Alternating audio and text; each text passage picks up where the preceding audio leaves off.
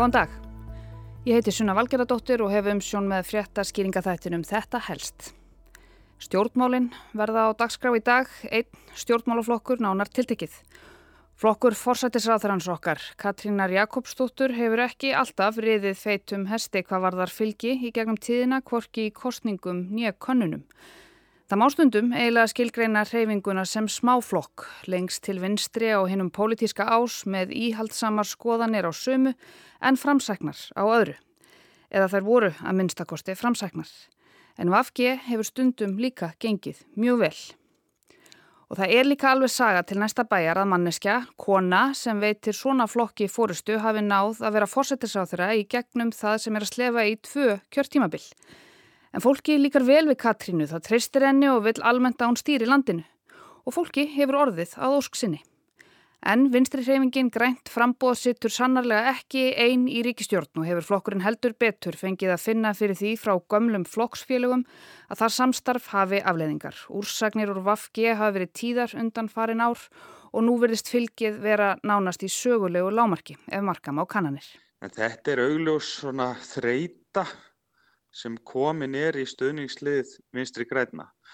Verðum líka að muna það þegar að stopnað var til samstarfsins á, á þar senasta kjörtímabili. Það voru mjög margir í baklandi vinstri græna sem höfðu sko verulegar efasemtir um þetta uh, stjórnarsamstarf. Ég sló á þráðum til stjórnmórafræðings og skoðaði aðeins söguna til þess að fá mynda því hver framtíð vinstri græna gæti verið og ástæðurnar að baki stöðunni eins og hún er núna. Formaður vinstri græna var hér langvinnsalasti stjórnmálamaður landsins sem að sko naut mest tröst allra íslenskra stjórnmálamanna yfir mjög langan tíma. Þetta tröst hefur uh, fallið að undan kvörnu. Vinstra grænt leggur mesta áherslu á umhverfismáli sem víðustum skilningi. Vafge var stopnað í februar 1999 til þess að sameina vinstri sinna og náttúruvendar sinna í einn flokk fyrir kostningarnar þá um vorið. Um allangt skeið hafi verið reynd að sameina félaga í alþýðubandalagi, alþýðuflokki, kvennalista og þjóðvaka en um það voru afar deildar meiningar og það gekk ekki upp. En einhverjir heldu áfram að tala saman og úr varð nýr stjórnmálaflokkur sem lagði áherslu á félagslegt réttlæti, sjálfstæða utanríkistefnu, kvennfrelsi og náttúruvend. Og stefnaflokksins í alþjóðamálum þar á meðal afstöðunar til NATO og Evrópusambands aðildar er afdráttarlaus og um margt ólík stefnu annara flokka. Vinstri hreyfingin grænt frambóð var til með Stengrim Jóð Sigfússon í forustusætunu. Samfylkingin var reyndar líka til en það var fjallað um hana í þetta helst í fyrra. Vafgi er hlaut rúmlega 9% atkvaða í fyrstu kostningunum og náði einn 6 mönnum á þing. Fjórum árum síðar fenguðu tæp 9% og töpuðu einu manni en svo kom meðbyr og í kostningunum 2007 fenguðu rúmlega 14% og nýju þingmenn. Og svo kom hrunið og svo kom bylting.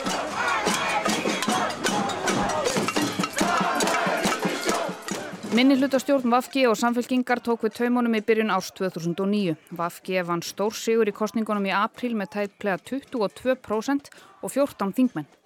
Á síðu Vafgi er farið yfir sögu flokksins og stiðst ég við það hér upp að vissum marki þó.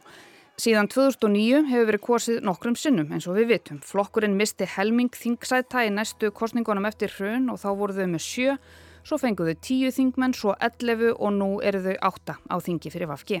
Með talinn eru fórsættisráþurann Katrín Jakobsdóttir, matvælaráþurann Svandi Svavastóttir og félagsmálaráþurann Guðmundur Ingi Guðbrandsson sem er jafnframt varaformaður flokksins. Ég þurfti reyndar að hætta fljótlega að styðja mig við vefsíðu Vafgi þar sem að þar segir að Edvard Hæpens sé varaformaður og að þingmennir séu 11. Þetta eru sem sé frekar úreldar upplýsingar þarna á síðu Vafgi og hafa verið það allavega í tvö ár. Ríkistjórnin okkar með Katrínu Jakobsdóttur í brotti fylkingar er nú hálnuð með síðara kjörtjumabilsitt. Með Vafgi eru sjálfstæðisflokkurinn og framsókn í ríkistjórninni. Og það verðist ætla að reynast Vafgi dýrkift ef marka má skoðanakannaður.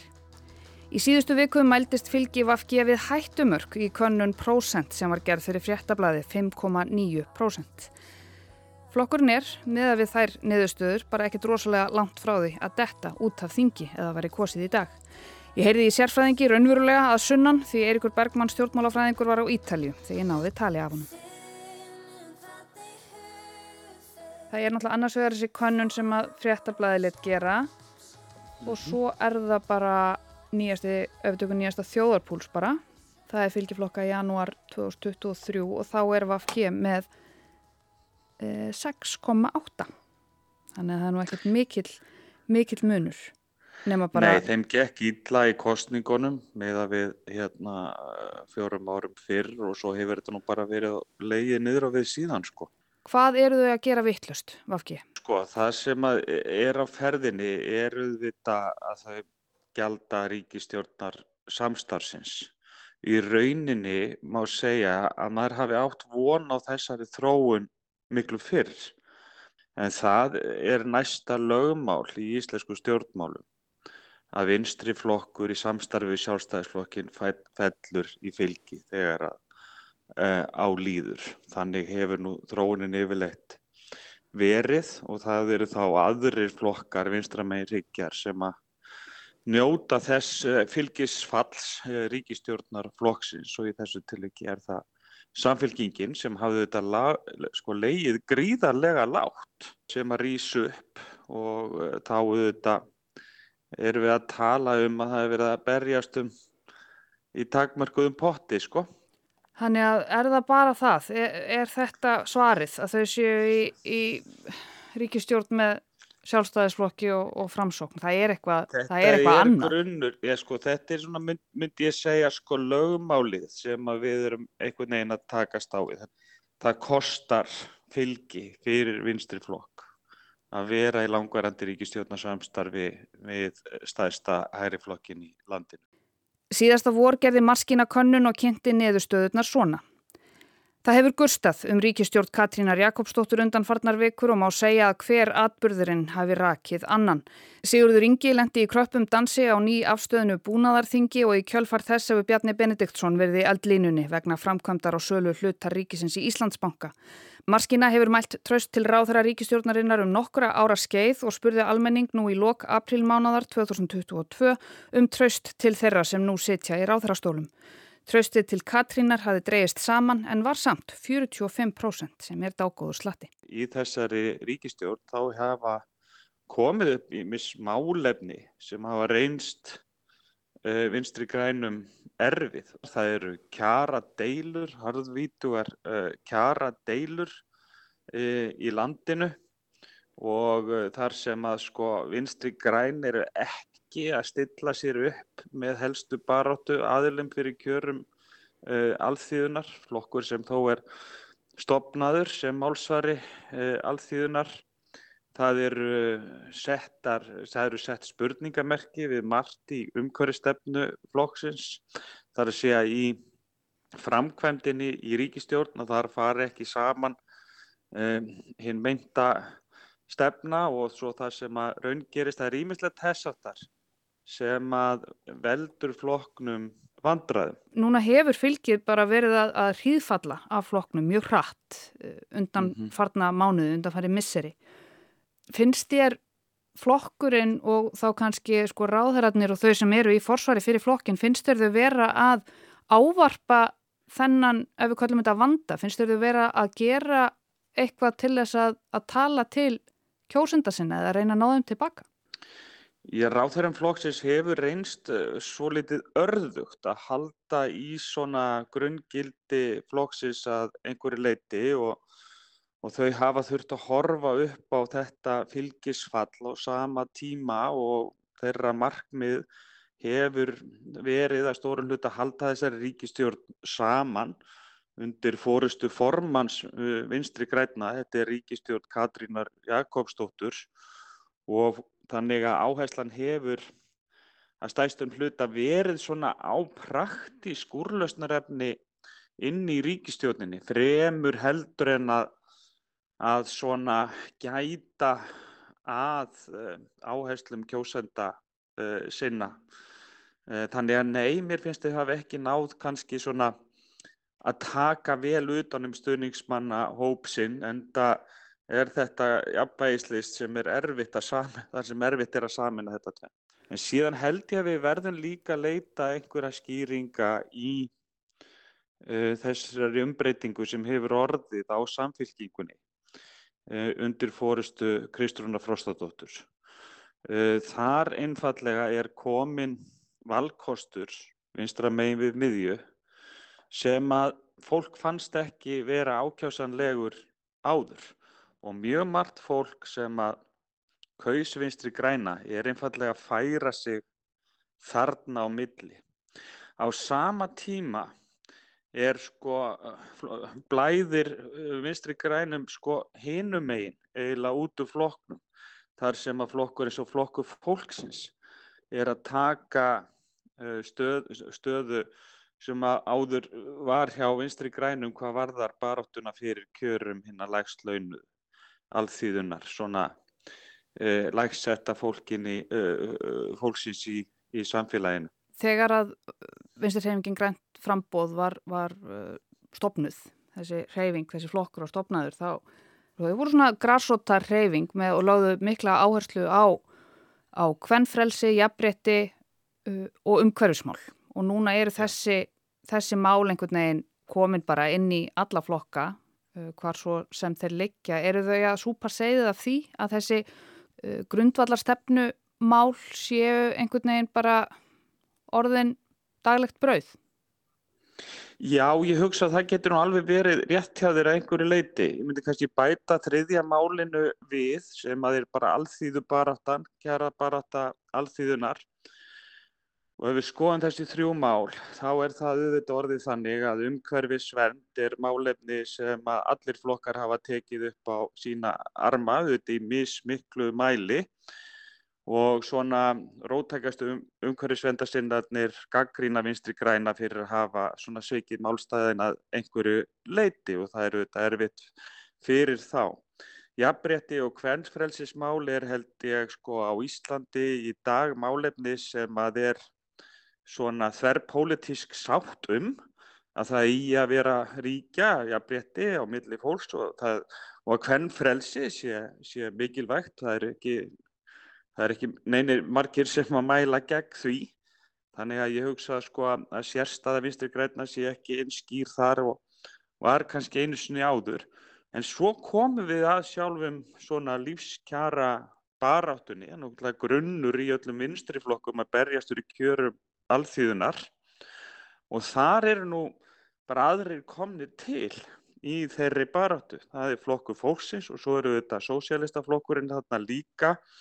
Uh, svo barátta sem við erum vitnaða núna sem reygin er engum og sérilagi að fóristu uh, eblingar er ekki neinum sérstökum tengslum við vinstri græna og þetta móti saka, saka flokkinum um svik. Þannig að þar er flokkurinn heldur ekki þessi svona hvað maður að segja fyrsti kostur svona, e, e, svona e, einhvers konar náttúrulegur uh, kostur uh, alþýðu fólks þar að segja umfram uh, suma aðra sem að komnir eru á sviði þannig að jú, þessi helstu stefnumál flokksins dreifast núna viðar og það eru aðrir valkostir sem kjósundur hafa sem að andir um þessi mál. Akkurat. Fáir stjórnmálamenn, ef einhverjir, hafa notið jafn mikils tröst svo velveldar á Íslandi en Katrín. Það skipti eiginlega máli hvar fólk stóði í pólitík það treysti henni alltaf best. Personufylgi kallast það vist. Þetta sást bæði í almennri umræðu og svo líka í konunum. Yfirleitt var Katrín sá stjórnmálamaður sem góður meiri hluti vildi sjá sem fórsettisáþura. Hún mæltist ekki fyrir svo laungu með tæp 60% þar sem engin annar náði 10%. Nú skulum við fyrsta lagi hafa það á hreinu að Katrín Jakobsdóttir er einhver sko farsælasti stjórnmálamaður sem að Ísland hefur alið fyrr og síðar. Það eru fáir sem að standast henni eh, samjöfnuð hvað varðar farsældi stjórnmálum, bæði hvað varðar stöðu innan eigin flokks, hvað varðar stöðning eh, ekki bara sinna kjósanda heldur þjóðarinnar allra og síðan árangi sem hún hefur náð hvað varðar sko eh, völd og frama. Þar sem að hún er sagt forsætisráð þeirra Uh, úr ysta um, vinstri floknum allavegna þegar hún kom uh, til valda á sínu tíma. Þannig að við erum að tala um, um mannesku í slíkri stöðu. Bjarni Pítur Jónsson, fréttamaður, fjallaði um hvern leðtoga heimsins í síðasta þætti af heimskviðum. Tilefnið var ákvarðanir Jacindu Ardern og Nicola Sturgeon, fórustu hvenna Nýjar Sjálands og Skotlands að segja af sér. Og það eru fleiri en Ardern og Sturgeon sem gætu horfið og braut á næstunni. Sanna Marín, fórsetis á þeirra Finnlands, hefur eins og hinnar tvær notið mikillar hilli alþjóðlega, en það má segja að allar hafið þær verið vonar stjórnur vinstrimanna í alþjóðastjórnmálum. Finnar kjósa nýtt þingibýrun apríl og þar mælist samstöðuflokkurinn núna stærstur með 22% fylgi en sósjaldemokrater með sönnu í farabróti mælast með 19%, jafn mikið og sannir finnar. Sanna geti því horfið á brauti í vor eins og Magdalena Andersson fósettis á þeirra svíþjóðargerði í haust og í þennan hóp væri vel hægt að bæta Katrínu Jakobsdóttur fósettis á þeirra en vinstri græn hafi ekki mælst með mikið fylgi í konunum upp á síðkastið. Það má segja að allir þessir kvenleitóar séu vinstramegin við miðjuna í stjórnmálunum og flestar með mikið personufylgi. En það er erfitt að ráði hvort þetta er hluti af þróun sem er eigað sér stað eða hreinlega kjósendur að refsa stjórnmálamönnum vegna efnaðars ástansins. Það eru þetta þannig að, að fylgi og staða fólks uh, breytist og eftir því sem að tíminn líður þá fellur uh, stöðningurinn. Það, svona, það gerist nánast með alla hvort að komið sé að einhverju svona algjöru umbreytingu á hennar stöðu til hins verra. Ég þóri bara ekki alveg að segja til um það ennþá. Mér finnst það ekkert endilega nauðsynlega að vera þannig að hún geti ekki náð upp fylginu uh, aftur. Ég hugsa að það séu alveg ímist tækifæri til þess. Katrín hefur settið á þingi fyrir Vafge síðan 2007 í 16 ár sem gerir hana eina af þaul setnustu núverandi þingmönnum.